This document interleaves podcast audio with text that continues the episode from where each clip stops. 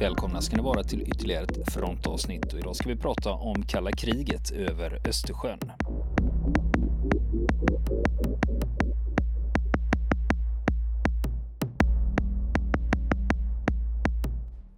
Och nu fortsätter vi intervjun med Lennart Karlsson, den gamle radarjaktledaren.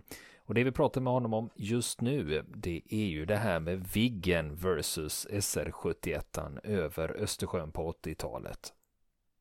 Det är ju det som är grundfrågan för att i, den här förhärskande historien så bygger det ju då på att svenskarna fick en låsning och hade bara behövt trycka på knappen och så var det klart.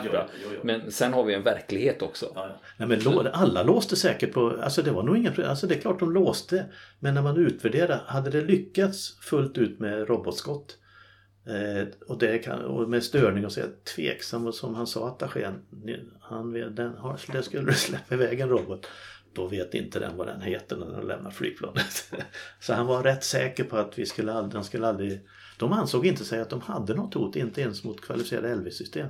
Kan vara lite överdrivet men det var vad han sa. Alltså, på, och så vidare. På.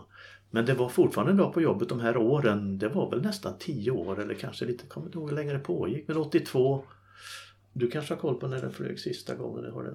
Nej, inte på rak arm. Nej, men jag tror det var en tio år. Och det, alltså 150 flygningar och vi gjorde insats mot en tredjedel av det här. För det kan ju varit... Hade du alltså AJ37, det var ju inte lönt. De hade ju ingenting. De hade dels ingen radar. Medan som möjligen kunde se en prick, men de kunde ju inte låsa på det här. Va? 35 hade ju en jaktradar. AJ var ju till för att låsa på mark och sjömål. Eller framförallt på sjömål. Så det var inte lönt att starta. Även om AJ hade kommit upp på en 16 000, ja kunde de väl göra vad skulle de göra där då? Ingenting. De hade ju inte ens vapen för det. Så de kunde inte få ett beräknat anfall. De hade ju bara Akan. Skulle kunna skjuta Robot 24 men det är ju som att skjuta en raket på påskafton. Det är ju ingen skillnad. Det händer ju ingenting. Alltså.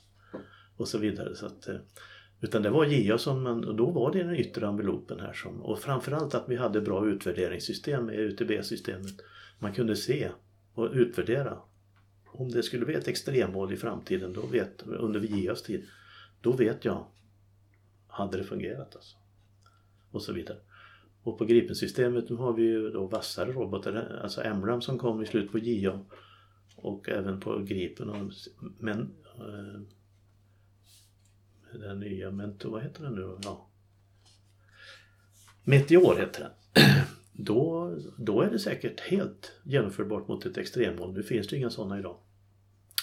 Med en MIG-31 i och för sig, men det är, MIG-30 är inget hot. Vi ska inte bekämpa sådana mål. Den är helt ofarlig. Den, vi ska ju skydda våra mark och sjömål. Vi ska inte bekämpa fientlig jakt. Det har vi alltid haft i vår doktrin. Gå aldrig mot fientlig jakt. Det är bara ett eller två tillfällen vi ska gå mot fientlig jakt. Det var när vi skulle föra över Gotlandskontingenten ifrån fastlandet, flyga över den, som var Linjeflygs uppgift då under kalla kriget. Då skulle vi skydda den transporten och det, då skulle vi ge sig på om det kom VP-jakt som försökte ge sig på dem. Då skulle vi ge oss på jakt. Vi ska bekämpa bomb och attackflygplan, spaningsflygplan. Jakten ska till varje pris undvikas. Jakt, jaktflygplan är helt... Mm. Och VP som du säger är ju Warszawapakten. Ja precis, precis. Så att eh, undvik jakt och det, gäller, det, det sitter djupt i både på oss ärgalar och eh, jaktförare. Alltså. Undvik jakt. Vi ska inte lägga krutet där. De är helt ofarliga. De har ju bara jaktvapen på. Det är klart de kan skjuta en akanskur mot någon kulle, men vad gör det? Ingenting. Utan det var ju attack och bomb, bomb och spaning. Så spaning för att förhindra underrättelseinhämtning och så vidare. Mm. Men äh, Lennart, du har ju också en lista här. Ja. Eh, du har ju lyssnat igenom våra avsnitt när vi pratar precis. om de här uppdragen. Mm. Och du satt ju med där. Och du, du vet ju vad som hände. Och ja, eh, du kanske kan rätta till om vi har missuppfattat något. Ja, jag skrev några punkter här till exempel. Ingen flyger rakt mot Sverige för att testa vår beredskap. Det, alltså alla, vi känner ju varandras beredskap runt omkring det. Alltså, vi kanske ibland då kollade lite grann Warszawapaktens LV-system och så vidare. Men alltså det var nog ganska känt vad vi hade för beredskap. Radarstationerna, man behöver inte flyga och mäta, det har man mätt in sedan lång tid tillbaka. Man vet exakt var alla radarstationer står och vilken typ av radarstationer det var. Och, eh, och så vidare. Ska jag bara titta vad jag skrev mer. Det var det här med spårvagnar men SE71 var ingen spårvagn, det var de andra. Svensk luftrum pratar man lite om. Vi har ju då vårat territorial 12 sjömil det gäller även i luften. Men sen har vi då fly, eller flyginforma, Flight Information Region, svenskt FIR. Det är där vi har kontroll, alltså Arlanda, ACC är ansvariga för allt flyg som rör sig inom det här firet. Och det har ju varje land och den, våran östra firgräns den ligger i Östergotland någonstans. Det, det finns ju på kartor att ta fram. Det är då svenskt FIR där alla flygplan som finns här ska anmäla sig för, för Arlanda, alltså ACC, Air Control Center. Air Traffic Center kan det också heta, ATC, ACC. Alltså de ska ju veta, får inte finnas ett flygplan här. Och det kan man ju säga att där har ju då Warszawa och ryssarna idag, de flyger ju fortfarande utan transponder. Kommer ut i Finska viken och ner till Kaliningrad. De flyger ju utan att tala om att de är där. Vi ser dem på militär radar. Men civila sidan har ingen aning om att de finns där. För de, idag så kör man bara på sekundärradar. Förr i tiden då hade ju Arlanda eller Sturup eller var man nu satt. Då hade man även primärradar, alltså den bollen som står vid Bromma till exempel. Och även de här Rommelåsen, Söderåsen som är primär. Men idag kör man bara på sekundärradar. Alltså har du inte transponder till då är det svart.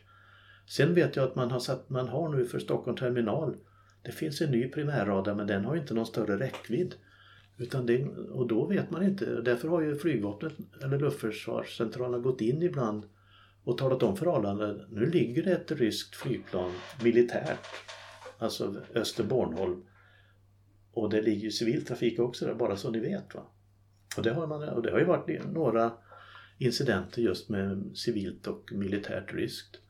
Och det är likadant, i och för sig så gör ju amerikanerna till viss del när de flyger med, de har börjat flyga med U2 i Östersjön. Kommer ifrån England och flyger in i Östersjön och där ett tag, in över Baltikum.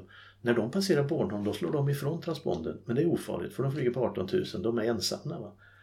Medan då, jag tror att all signalspaning idag, för man, jag kan ju se nästan allt på de här vanliga sajterna, så kör man med transponder till. Alltså. Men ryssarna gör inte det. Va? Fortfarande och de kan ju flyga med med både Su-34, Su-27 och eh, alltså Backfire och även Blackjack har ju varit inne i Öster, eller flyger i Östersjön då och då. Det är strategiska, varför vet jag inte, men det gör de. Och de flyger tydligen fortfarande utan transponder och det är ju en flygsäkerhetsrisk alltså. Om inte ryssarna nu sitter och det verkligen talar om för sina förband att de anpassar höjderna med hänsyn till den civila trafiken, det vet jag inte. Men alltså den svenska flygledaren på Arlanda eller Sturup eller var man nu sitter. De har ingen aning om det här och då är de i svenskt FIR alltså. När de kommer över då Riga FIR eller de olika Warszawa FIR om man går söderut. Eller i alla fall Riga FIR, jag vet inte, de har ju säkert inte bättre de får väl heller inte veta något från ryssarna i och med att de tillhör väst idag. Så det är först när de kommer bort på ryska sidan då, Sankt Petersburg och sådär så så det är, det, det är en risk och det är klart förr eller senare kan det ju hända någonting när man kör någon storövning och man vägrar att köra med transponder. Som man kanske borde göra. Det finns väl regelverk för det men de verkar ju bryta mot det. Så att eh, det, det är ju en risk. Men på den förr i tiden kalla kriget då hade vi hade ju inte transponder. Det var ju först på 80-talet när vi kunde läsa av transponder. Det var ju Viggen som hade det först. 35orna fick det och, eh, nu, och sen SK60 så att vi hade ju, då, men då var det ju primärradar och när jag satt med mina kärror i ett område då hade jag ju 100% koll på den civila.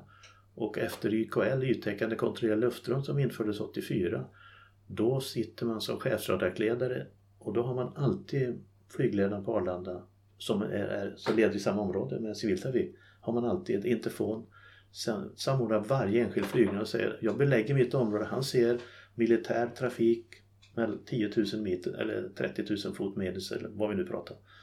Och då vet han så fort han kommer stig och sjunker rakt in, då säger han nu kommer jag med SAS 172 från Göteborg, jag vill sjunka in mot Arlanda. Ja, det kan du göra, jag håller undan till exempel. Eller du får, ja, du får sjunka till, 60, till flygnivå 200 till du kommer dit, sen kan du fortsätta. Och vi har alltid en, löpa, har alltid en löpande trafik. Så att, och det är vi ganska ensamma om att vi, har, vi samordnar civilt och militärt om man tar ner i Europa så får man, då blocklägger man om tyska flygvapnet ska ha ett område. Då blockerar man ett område för den tyska mellan 2 och 8000 meter eller vad det kan vara. Där är jag och ingen annan alltså. Så att man, då lägger man blockfärdtillstånd. Medan vi samordnar civilt och militärt i samma område.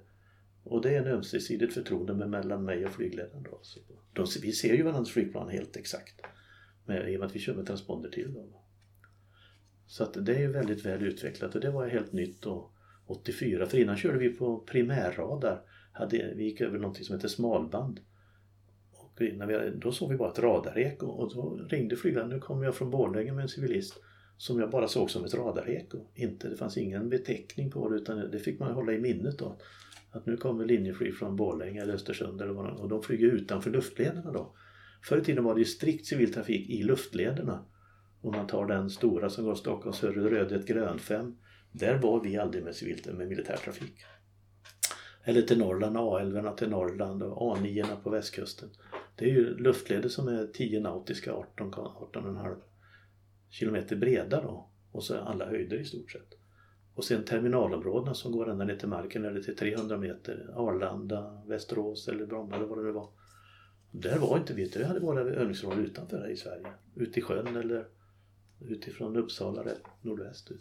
Om vi går tillbaks till listan här. Ja, nu ska vi gå tillbaks till listan här. Svensk luftrum, det var det som vi... Just det. Eh, stridsledning då, styrdata är någonting... Alltså jag har en talförbindelse dubbelriktad med min pilot. Men jag har också en styrdataförbindelse som, kom, som infördes 1959 till 35 Bertil ifrån PS 08. Och sen kom det in i STIL 60 35 Bertil David Filip och sedan till Jaktviggen. Och den enkelriktade jag lägger upp Eh, 35 då pekar jag ut exakt det mål han ska gå mot. Det får han in på sin. Så när han kommer den här styrdatacirkeln in på hans radar då ska han leta. Där ska målet vara när han ska låsa på egen radar. Och sen kan jag skicka massa kommandon att det är fientlig jakt, det är remsfällning, eh, alltså anfallstyp, fart, alltså allt målfart, målhöjd, allting sånt där som jag skickar till honom. Och på 35 så hade jag 20 extra kommandon som jag tryckte in i klartext där han kunde läsa för honom. Till JA så blev det blev mycket utökat så där hade jag 60 olika. Jag kunde bara trycka in vänster så började han påbörja en vänstersväng utan att jag sa någonting. Och sen styrkurs exakt hur han ska styra. Han får ju på sin, eh, på sin kompass, då ser han exakt vad vill lära jag att jag ska styra för att det här anfallet ska bli optimalt. Då följer han ju bara det. Jag behöver inte säga att du ska svänga vänster till 270 utan han ser ju den svängen eftersom jag pekar ut till honom i det anfall jag har lagt upp.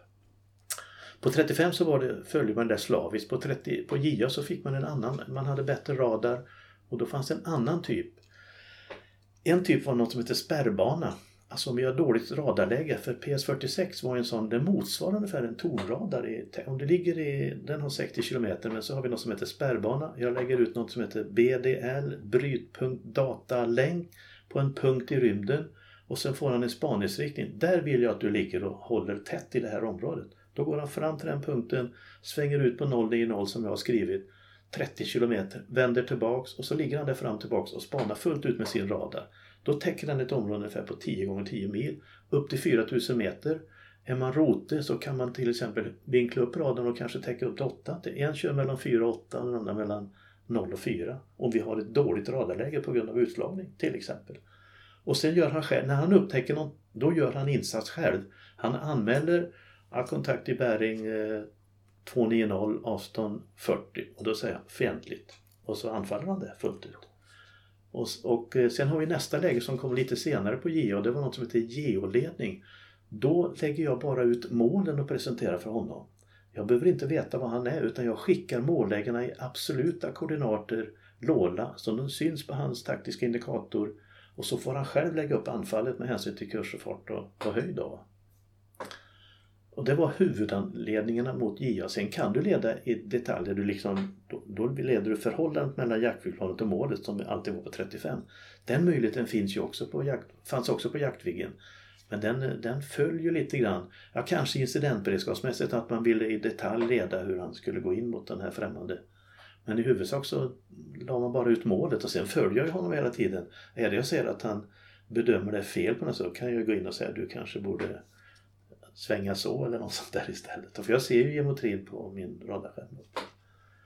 Eh, det var styrdata. Styrdata var också en... Det var helt öppen. Det var ett, men vi hade, väldigt, vi hade hög effekt. Normalt låg styrdata på en uteffekt på 150 watt. Men vi skulle i ett stört läge kunna skicka på 10 kilowatt i den, den radiosändningen. Och det är ganska mycket. Högeffektsteg som vi aldrig körde fredstid. Och jag har aldrig, alltså styrdata, att, den, att man tappar det på grund av att man är under täckning. Mycket sällan varit med om det. Va? Om, vi, om vi nu pratar att vi är här i östra Sverige och Östersjön. Går vi i Värmlandsskogarna, där har vi inte så mycket styrdata under några tusen meter. Hade. Eh, och så vidare. Så det var ju byggt, det mesta var ju byggt för ostfallet om man sa så. Och så vidare. Eh, och styrdata var vi också först med i, kanske i världen men i alla fall i Europa. Ryssarna hade ett styrdatasystem som, vi, som också FRA tappade av. Men då, det var dubbelriktat. Där då man kunde läsa, det var nog liksom för att inte förarna skulle rymma. Man kunde se hur mycket bränsle han hade kvar och allting sånt här. Och det kan vi på, på Gripen-systemet, då är det styrdatan dubbelriktad Link 16. Så de, han släpper ju ner mycket som han ser också. Som vi, det kan ju vara sjömål eller någonting som inte vi ser på grund av dåligt radarläge. Då är det dubbelriktat. Annars på 37 och 35 så var det enkelriktat. Talradio dubbelriktat, styrdata enkelriktat upp då. Och eh, Link 16 det är ju så att nu är det ju till oavsett vad Gripen har för uppdrag, en attack eller spaning och så, här, så har man ju alltid en dataförbindelse. Det hade vi på AJ37 och eh, de som inte var jaktflygplan, då var det bara talförbindelsen. Och det är ju lätt att störa ut den. Det är lite musik så är man ju borta där på, då hör man inte vad man säger. Och så vidare. Och sen kom jaktlänken. Det var väl den stora sensationen, för det var det första sekretessbelagda systemet. Det var hoppande frekvens och krypterat mellan flygplanen, så det var ju svårare att tömma. Medan styrdata var helt öppet. En, en Alltså ett digitalt binärt meddelande som man säkert visste exakt vad det innehöll på ryska sidan precis som vi visste vad deras styrdatameddelande innehöll till, till MIG-21 eller vad det nu var. Flagg. Vad innehöll länkdata för information då? ja det var ju allting, alltså när jag skickade styrdata till Drag då presenterade jag målets läge, målets kurs, målets fart och sen om jag visste någonting att det var fientlig jakt då kunde jag skicka ut jakt. Eller att det var en störare det kanske var en remsfällare så, så att jag kunde skicka rätt mycket. Och på, då, det är bara ett mål. På JA var det så att då var det ett eh, primärmål. Sen efterhand så kunde jag lägga ut ytterligare fyra mål som vi kallar för sekundärmål. Att eh, nu har du det här målet, där ska du anfalla först, men sen har du fyra till som du ska gå på efter det här första. Då kunde jag presentera det. Och sen när vi kommer fram till den sista editionen på JA, då pratar vi det hette edition 38 eller vad det var, 36 kanske. Då kunde jag lägga ut min radarbild så att han på taktisk indikator så såg han inom det område som den täckte, då såg han allt. Då såg han alla som vi, som vi hade i, och på Gripen är det ju så, där, har du, där pratar du i radarbild. Så det går ju inte att säga att du har en mål, utan då kan, om det heter Kalle 2 eller vad det heter i vårt system. Så är du, ser, du, ser du Kalle 2? Ja, ja, det är en civil på 8850 och så vidare. Då kunde vi inte tala om i detalj utan då hade han samma information. Och vi kunde till exempel jag satt och ledde några överljudslöpare i Östersjön på 500 meter. Och då spanar man alltid av havet först. Så att det var båtar som låg där för de mådde ju lite illa då kanske när man passerade i överljud. Så då gick det först en eh, förlöpare och så på sin radar på, så rapporterade han till mig Ja, nu har jag en där, om vi nu tar en Gripen. Då, då låste han bara på den och då såg jag direkt på mitt PPI. Eller på, eh, som det var där då. Så gjorde han en markering där, la upp en symbol och sen kom han nästa och så nästa. Så när han vände och gick tillbaks och då skickade jag bara ut dem till honom igen. Ligger de här? Ja, ah, du Kalle 2 kan du justera 22 kilometer längre söderut och sådär.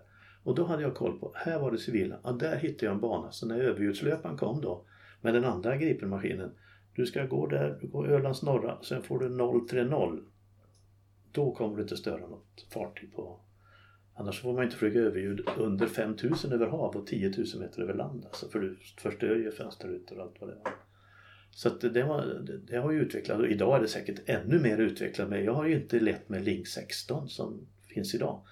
Däremot det systemet vi hade för Gripen som hette Radio 90. Det var ju ganska långt gånget innan man kom in Alltså, personligen kan jag tycka, varför valde man inte att försöka få Link 16 redan på 90-talet? Än att köpa det här dyra radiosystemet som vi nu byggde upp för Gripen-systemet. Så jag brukar säga det när jag har föreläst att ja, det finns ett radiosystem, det är säkert värt ett par miljarder om det är någon som är intresserad. Flyg och markradiosystem. Som då är, nu, nu, är det ju, nu bygger man ju på Link 16 och då har vi ju samma, man kan ju ta en ledare från en AVAX, en amerikansk eller brittisk AVAX med styrdata eller, så det är inga problem. Och vi kan leda danska F16, norska F16 och allt det här. Jag tror, jag tror finnarna också har Link 16, jag är lite osäker på det. Men alltså nu är det samma system inom hela NATO. Och likadant så gick vi över till engelska tror det var i mitten på 90-talet när vi också kör NATO-terminologi. Alltså även till vardags, pratar precis som man gör på flygledningssidan. Så vi, vi, arbetsspråket i luften är engelska.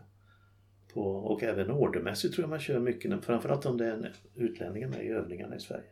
Men terminologin i, i luften är engelska till 100%. Redan ifrån flygskolan tror jag till och med det är nu. För när vi började då, då fick vi inte prata på engelska när vi hade elever. som vi hade TIS på F16. Då var det svenska. Och Saab FNV Prov var svenska. Men nu tror jag det är engelska helt och hållet. Alltså. Mm. Ja. Nu ska jag se om jag hade något mer här. Eh, del två. Jag, alltså jag känner inte igen det här med att man provar det här på Bråvalla. Det gjorde man kanske när man tittar på UTB-band. Men att man provar ut det specifikt i simulatorn. Ja, det, är möjligt att man, eh, det, det, är möjligt att man gjorde det men jag vet inte om det var någon revolutionerande direkt. SCMET har vi pratat om. Och att Robot 71, det, är, alltså, det står att roboten låser på.